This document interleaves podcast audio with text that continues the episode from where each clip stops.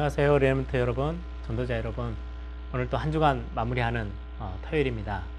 근데 토요일 날 여러분들 이번 한 주 동안에 우리에게 주셨던 많은 응답들도요 짧은 시간 조금 여러분들 일부러 시간을 좀 내서 어, break time을 좀 가져 가지고요 어, 생각도 하고 응답 받았던 것들 정리도 하고 또 내일 또 하루를 어, 여러분들이 기대도 하면서 한 주간 시작하는 첫날이잖아요.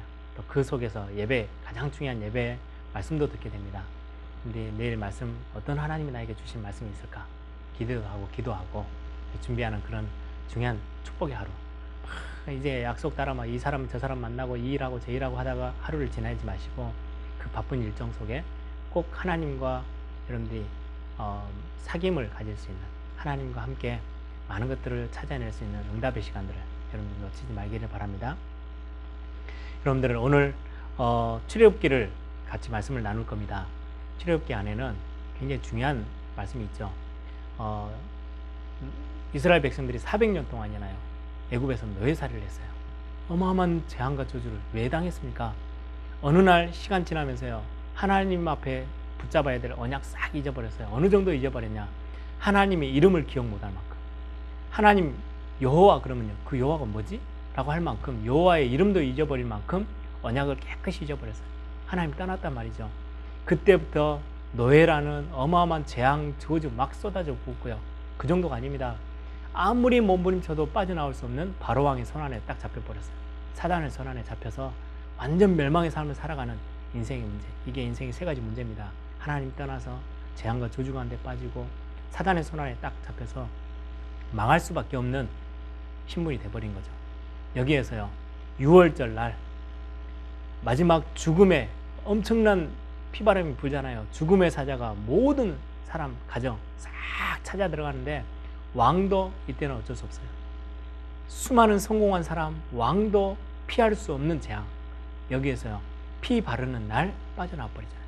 피 바르는 날 그 피 바른 집 그 집에는요 사망의 저주가요 다 넘어갔어요. 그걸 보고 6월절이라고 해요. 신앙생활 출애굽기에는 광야 생활을 쭉 이야기하는데 가장 광야 생활 가나안 땅 가기 위한 우리 삶을 말하는 거죠. 가장 중요한 건 6월절입니다. 6월절을 통과해 나와야 광야가 가는 거예요. 여러분들 오늘 어, 구원의 축복들을 다시 한번 묵상하면서 오늘 출애굽기를 읽으면서 중요한 언약, 광야처럼 좀 어려운 인생길처럼 보입니다만은 그 속에 완벽한 하나님의 응답들이 다 준비되어 있습니다. 오늘 말씀을 보면서 해답을 얻고 응답을 받고 힘을 얻는 그런 축복이 있기를 바랍니다. 오늘 제목은 아침 저녁으로 분양해라. 이 분양이라는 굉장히 중요한 의미가 있는 단어인데요. 여러분들 오늘 본문은 출애굽기 30장 1절에서 10절인데 제가 7절부터 10절을 읽겠습니다. 앞에 하나님이 어, 아론과 모세에게요. 분양할 수 있는 재단을 만들어라. 그렇게 놓고 7절에 그렇게 말씀합니다. 제사장이죠, 아론은. 아론이 아침마다 그 위에 향기로운 향을 사르되 등불을 손질할 때에 살을 찌며 또 저녁 때 등불을 켤 때에 살을 찌니 이 향은 너희가 대대로 여호와 앞에 끊지 못할지며 너희는 그 위에 다른 향을 사르지 말며 번제나 소제를 드리지 말며 전제에 술을 붓지 말며 아론이 1년에 한 번씩 이 향단 뿔을 위하여 속죄하되 속죄제의 피로 1년에 한 번씩 대대로 속죄할지라. 이 제단은 여호와께서 지극히 거룩하니라. 아멘.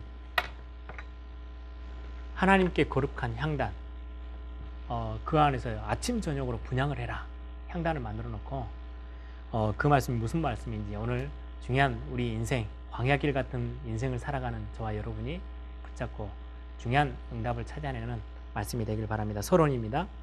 렘넌트 일곱 명이 흔들리지 않고 언약을 붙잡았던 이유가 무엇일까요? 많은 문제들이 왔는데도 흔들리지 않았죠. 그것은 미래를 확실히 붙잡고 있었기 때문입니다. 어떤 이들은 미래를 생각하지 않고 살아가며 또 미래를 걱정하지만 잘 준비하는 사람들도 있습니다. 또한 세상 정교는요, 미래가 희망적일 것이라고 말하고 사람들은 과학이나 이런 걸 내다보면서요, 더 나아질 미래를 예측하기도 합니다. 그러나 성경은 마지막 때가 되면 고통과 재앙이 찾아올 것이다. 라고 디모데 후서에도 말씀하시고 있죠. 하나님을 떠난 인간에게 오는 문제를 보는 눈, 이게 있다면 신앙생활 중 가장 중요한 올바른 시작이 될 것입니다. 저와 여러분 정말 말씀 앞에서 복음 앞에서 이 세상을 바로 보고 우리가 많은 것들을 준비해야 되겠죠. 첫 번째입니다. 영적인 사실을 안다는 건 굉장히 중요합니다. 육신적인 것도 굉장히 눈이 밝아야 되지만 영적인 거는요 더더욱이나 중요하죠. 복음을 놓치고 있기에 영적인 사실과 영적인 문제를 간과하고 있는 사람들이 너무나도 많습니다. 복음을 몰라가지고 하나님은 눈앞에 보이는 작은 응답이 아니라 내 인생의 모든 부분이 복음으로 싹 다 회복되기를 원하고 계십니다. 내 앞에 있는 문제, 특히 가족과 인간관계는 내 힘으로 되는 것이 아닙니다. 하나님만이 우리가 가지고 있는 상처를 치유하시고 변화시킬 수 있습니다. 그래서 우리가 하나님 앞에 하나님이 주신 이 복음을 강하게 붙잡는 거죠. 복음 속으로 깊이 들어간다는 것. 이거는 육신적으로는요, 설명할 수 없는 영적인 엄청난 비밀이 담겨져 있습니다. 복음이 무엇인지 제대로 아는 것, 흑암 세력이 복음으로만 무너질 수 있음을 깨닫는 것, 이 언약을 아침, 저녁에 확인하는 시간을 갖는 건 굉장히 중요합니다. 분양한다는 말은 이런 의미가 있다는 거죠. 영적인 사실이 담겨져 있는 단어거든요.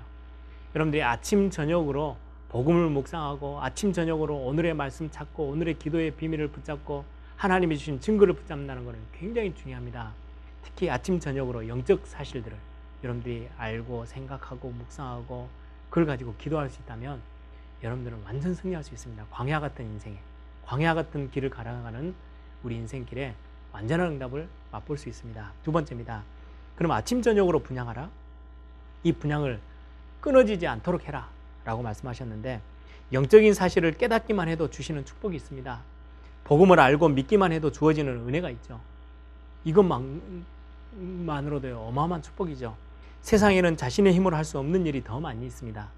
홍해의 기적, 광야의 보호하심, 구름기둥, 불기둥으로 보호하셨죠. 성막을 통한 인도하심 다 보았음에도 불신앙하는 이스라엘 백성들이 너무나도 많았어요. 그 기적과 이적을 다 봤는데도 불구하고 그렇게 하나님을 믿고 의심하지 않으며 세계복음화 할 준비를 매일매일 해야 합니다. 옛날에 한번 봤던 그 기억 가지고 신앙생활을 유지해 나간다. 힘들걸요.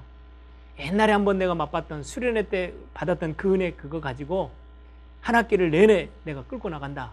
쉽지 않을 겁니다. 우리는 옛날로 다시금 우리 옛날 모습으로 돌아가려고 하는 회귀 본능이 우리한테 있기 때문에 쉽지 않을 겁니다. 그래서 하나님은 우리에게 매일매일 아침 저녁으로 은혜 받는 시스템을 요구를 하십니다. 이게 우리가 승리하는 비밀이죠. 하나님은 이스라엘 백성에게 성소와 지성소 사이에 분향단을 만들어 놓고 매일 아침 저녁으로 향을 피울 것을 명령하셨습니다. 향을 피운다는 말은요, 기도의 비밀을 누리는 것을 말하죠. 아침 저녁으로 여러분들이 정식기도 한다는 것은 최고의 축복을 회복하는 비밀입니다. 그리스도의 향기가 망할 자들에게는 멸망의 냄새로 다가오지만 구원 얻은 우리에게는 생명의 향기가 되어지는 것입니다. 영적인 사실, 곧 구원의 축복을 아는 자가 아침, 저녁 하나님을 의지하고요. 자신을 하나님 앞에 내어드릴 수 있다면 응답, 성공, 정복 이런 축복의 자리에 다 서게 됩니다. 여러분들 얼마나 기대가 됩니까? 여러분들이 아침 저녁으로 하나님 앞에 설 수 있는 시간을 만들어내고요.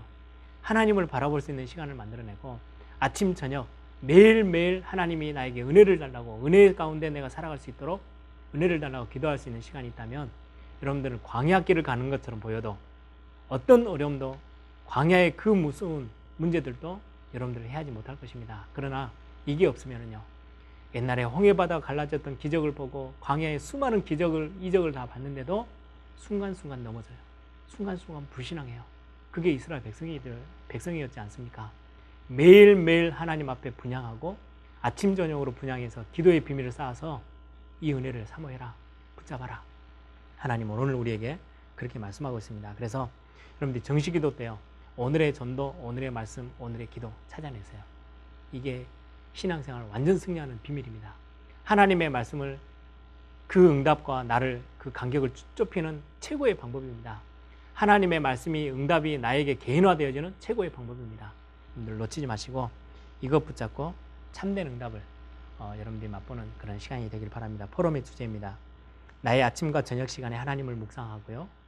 하나님이 내 삶의 주인이심을 날마다 고백하는 그런 기도의 시간. 여러분들 놓치지 말기를 바랍니다.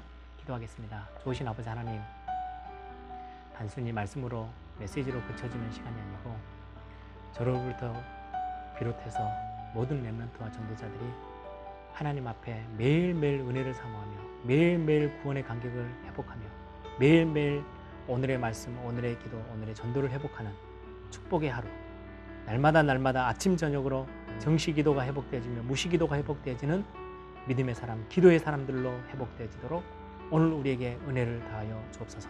주 예수 그리스도의 이름으로.